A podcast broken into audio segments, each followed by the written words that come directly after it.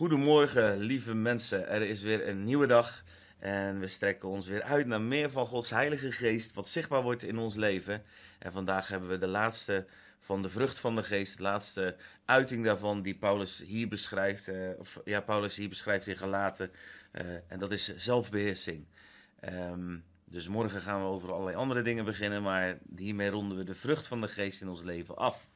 Ehm, de vrucht van de geest is zelfbeheersing. Als we de Heilige Geest in ons leven gaan ontvangen, dan zal de zelfbeheersing een plaats krijgen. Echt gratis, staat er in de grondtekst. Doorzettingsvermogen, dat klinkt daarin door. Dat is een woord wat er ook onder ligt, wat erop lijkt.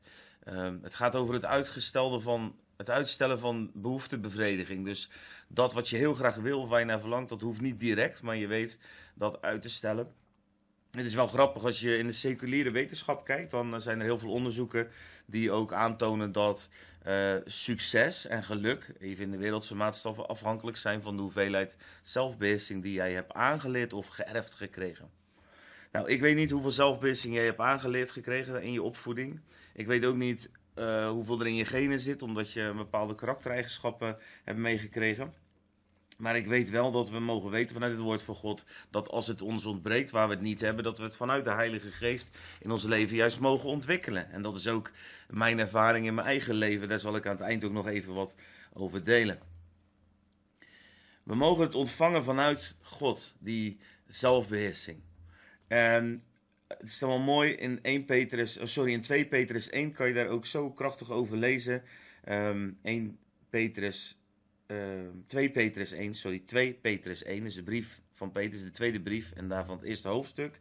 En daar, als je even kijkt in vers 3, overigens een mooi hoofdstuk om even te lezen ook vandaag. Um, in vers 3 staat: Immers, zijn goddelijke kracht heeft ons alles geschonken wat tot het leven en de godsvrucht behoort, door de kennis van Hem die ons geroepen heeft door Zijn heerlijkheid en Zijn deugd.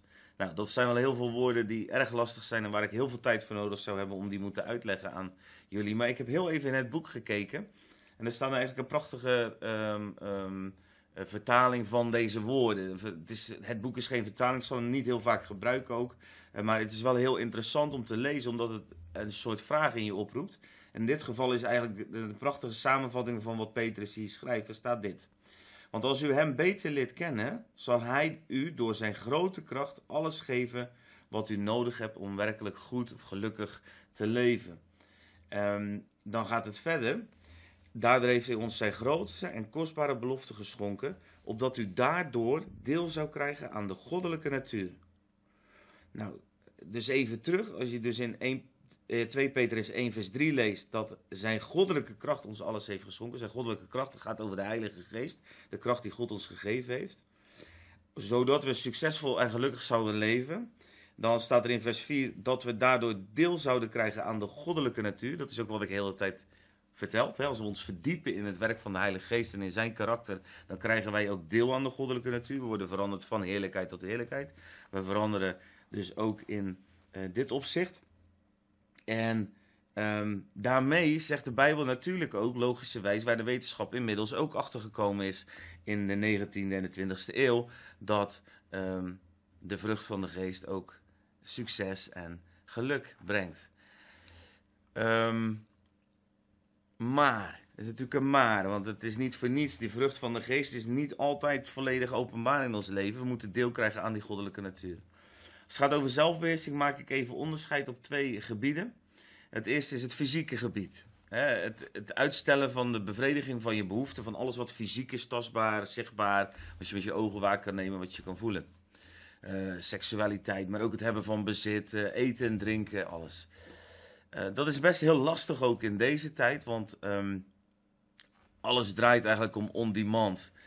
je koelkast is on-demand. Als je trek hebt, kan je kelderen. Er is zoveel. Als je dat vergelijkt met enkele generaties geleden, dan. Nou ja, we komen om in de overvloed, zou ik bijna zeggen. Dat is ook letterlijk overigens zo natuurlijk. Uh, hoewel we dankzij de medische wetenschap ook veel ouder worden. Um, is, ja, zijn de ziektes waar we aan sterven zijn vaak gerelateerd aan onze eten en drinken en overvloedspatroon. Um, ik heb ooit ben ik betrokken geweest bij uh, bedrijven die heel veel deden voor webshops. En bij webshops was het zo dat hoe sneller ze leefden, hoe meer omzet dat opleverde. Als ze soms terug uh, van uh, 24 uur leven gingen naar, of van de volgende, de, dat je zeg maar vandaag bestelt en dan morgen in huis hebt. Als ze, als ze die maatregelen invoeren, zag je soms de omzet wel 20, 25 procent stijgen. Dat zijn bizarre dingen. Dus mensen die willen iets, ze willen het gelijk. Dat is een beetje de cultuur, de maatschappij waarin wij leven. En het is geen deugd meer, het is geen waarde meer als je daarin een uh, onderscheid wil maken. Het, je wordt het als kind ook vaak niet meer aangeleerd dat het belangrijk is. Dus daar zit een enorme uitdaging als we weten dat zowel vanuit de seculiere wetenschap als vanuit de Bijbel het belangrijk is dat we juist onze behoeftes uit kunnen stellen. Emotioneel is dat natuurlijk hetzelfde. Emotionele behoeftes, uh, emotionele ervaringen, gevoelens. Um, um, de manier waarop uh, we met elkaar omgaan, wordt daar ook heel veel door bepaald. Uh, laten we emoties ons denken en doen bepalen, of laten we juist die vrucht van de geest van zelfbeheersing onze doen en laten en onze relaties kleuren?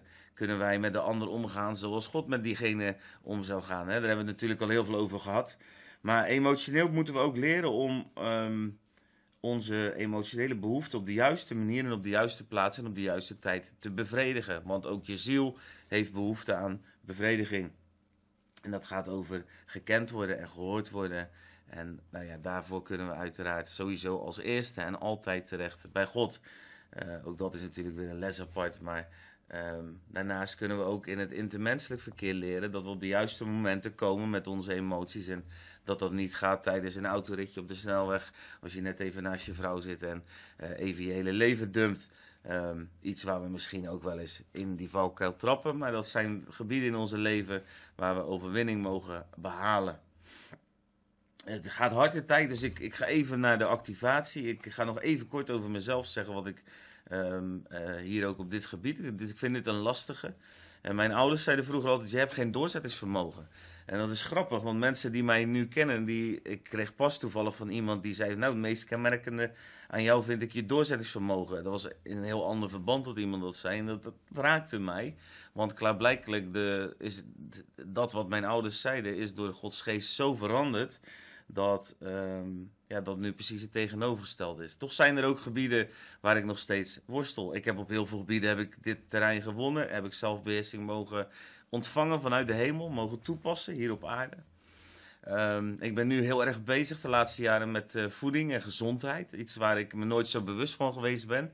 Um, maar waar, hij, nou, waar, waar God sinds anderhalf, twee, drie jaar uh, voortdurend over spreekt. hij, hij zegt tegen mij altijd: You have to be fit for the fight. En dat is een soort grapje van vader tot zoon. Want hij weet hè, dat um, nou ja, in de bediening en in alles, dan moeten we gezond zijn, dan moeten we fit zijn. Er gaat heel veel komen. En we mogen met hem de goede strijd voeren. En dan moeten we ook fysiek gezond voor zijn, fysiek fit voor zijn. Dus daar ben ik mee bezig om daar op dat gebied uh, um, zelfbezig toe te passen. Vind ik moeilijk. En ik merk dat daar um, ja, voor mij best wel struggles zitten. En um, wat heeft dat te maken met de challenge die ik vandaag voor jullie wilde gaan neerleggen? Pak een gebied waar je moeite hebt om zelfbeheersing toe te passen en ga daar zelfbeheersing toepassen. Voor mij betekent dat ik regelmatig ga vasten of uh, dat ik eens een paar dagen um, op uh, groente en uh, fruit leef. Voor sommige mensen is dat een zegen, voor mij is dat lastig dus. Het kan ook zijn dat je eens even een dag of een middag en een avond even je telefoon gewoon helemaal weglegt. Voor sommige mensen is dat echt heel erg moeilijk. En spreek dat van zelfbeheersing. Um, nou ja, wees creatief, verzin iets waar je moeite mee hebt en pak dat juist aan om daar een soort vaste in toe te passen. Ook al is dat een, uh, uh, het hoeft niet per se met eten of drinken te zijn. Pak iets waar je gewoon moeite mee hebt. Um, schermtijden bijvoorbeeld. Je computer, je telefoon, uh, hou je aan een bepaalde limiet. En met al deze dingen vraag ook iemand in je omgeving, als je die hebt, die je kan vertrouwen en die je werkelijk lief heeft, uh, of die jou daarbij wil helpen. Want dat kan ontzettend hulpzaam zijn. Uh, ik denk dat. Sorry. Ik denk dat het, als er vanuit de liefde iemand met je meekijkt, of je daadwerkelijk ook in dat gebied jezelf ontwikkelt, dan kan je veel winnen. Nou, het is gewoon mogelijk om zelfbeheersing te ontvangen en toe te gaan passen. Daarvoor mogen we naar de Heilige Geest kijken en ervaren wat Hij in ons leven wil gaan doen. En mijn leven is eigenlijk een groot getuigenis van overwinningen op gebieden waar ik vroeger moeite mee had en waar ik nu eh, zonder moeite mezelf kan beheersen. En dat heeft me inderdaad heel veel geluk en heel veel succes gebracht. Dus daar wil ik jou ook graag in meenemen en mee zegenen.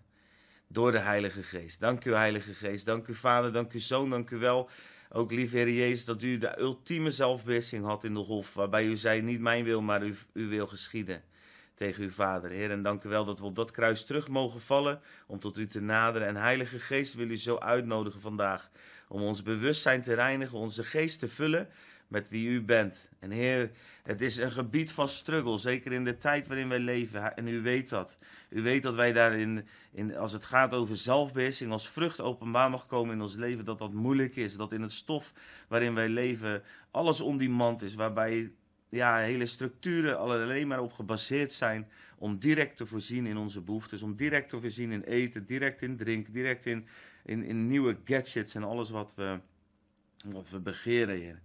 En daarom willen we u zo uitnodigen, want u weet dat goed, dat uh, succes en dat geluk ook vooral afhankelijk is van het leren van deze discipline. En Heer, daarom willen we ons uitstrekken als vrije mensen.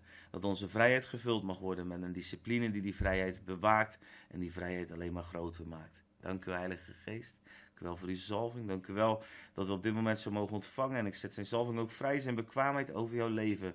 Om dat wat gevangen is, om dat vrij te maken. Om dat wat gebonden is, om dat los te maken. Lieve Heilige Geest, doe uw werk in ons.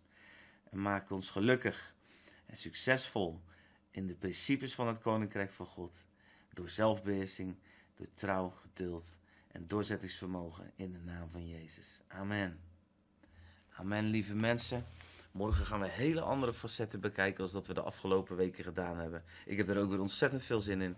En tot morgen. Be blessed.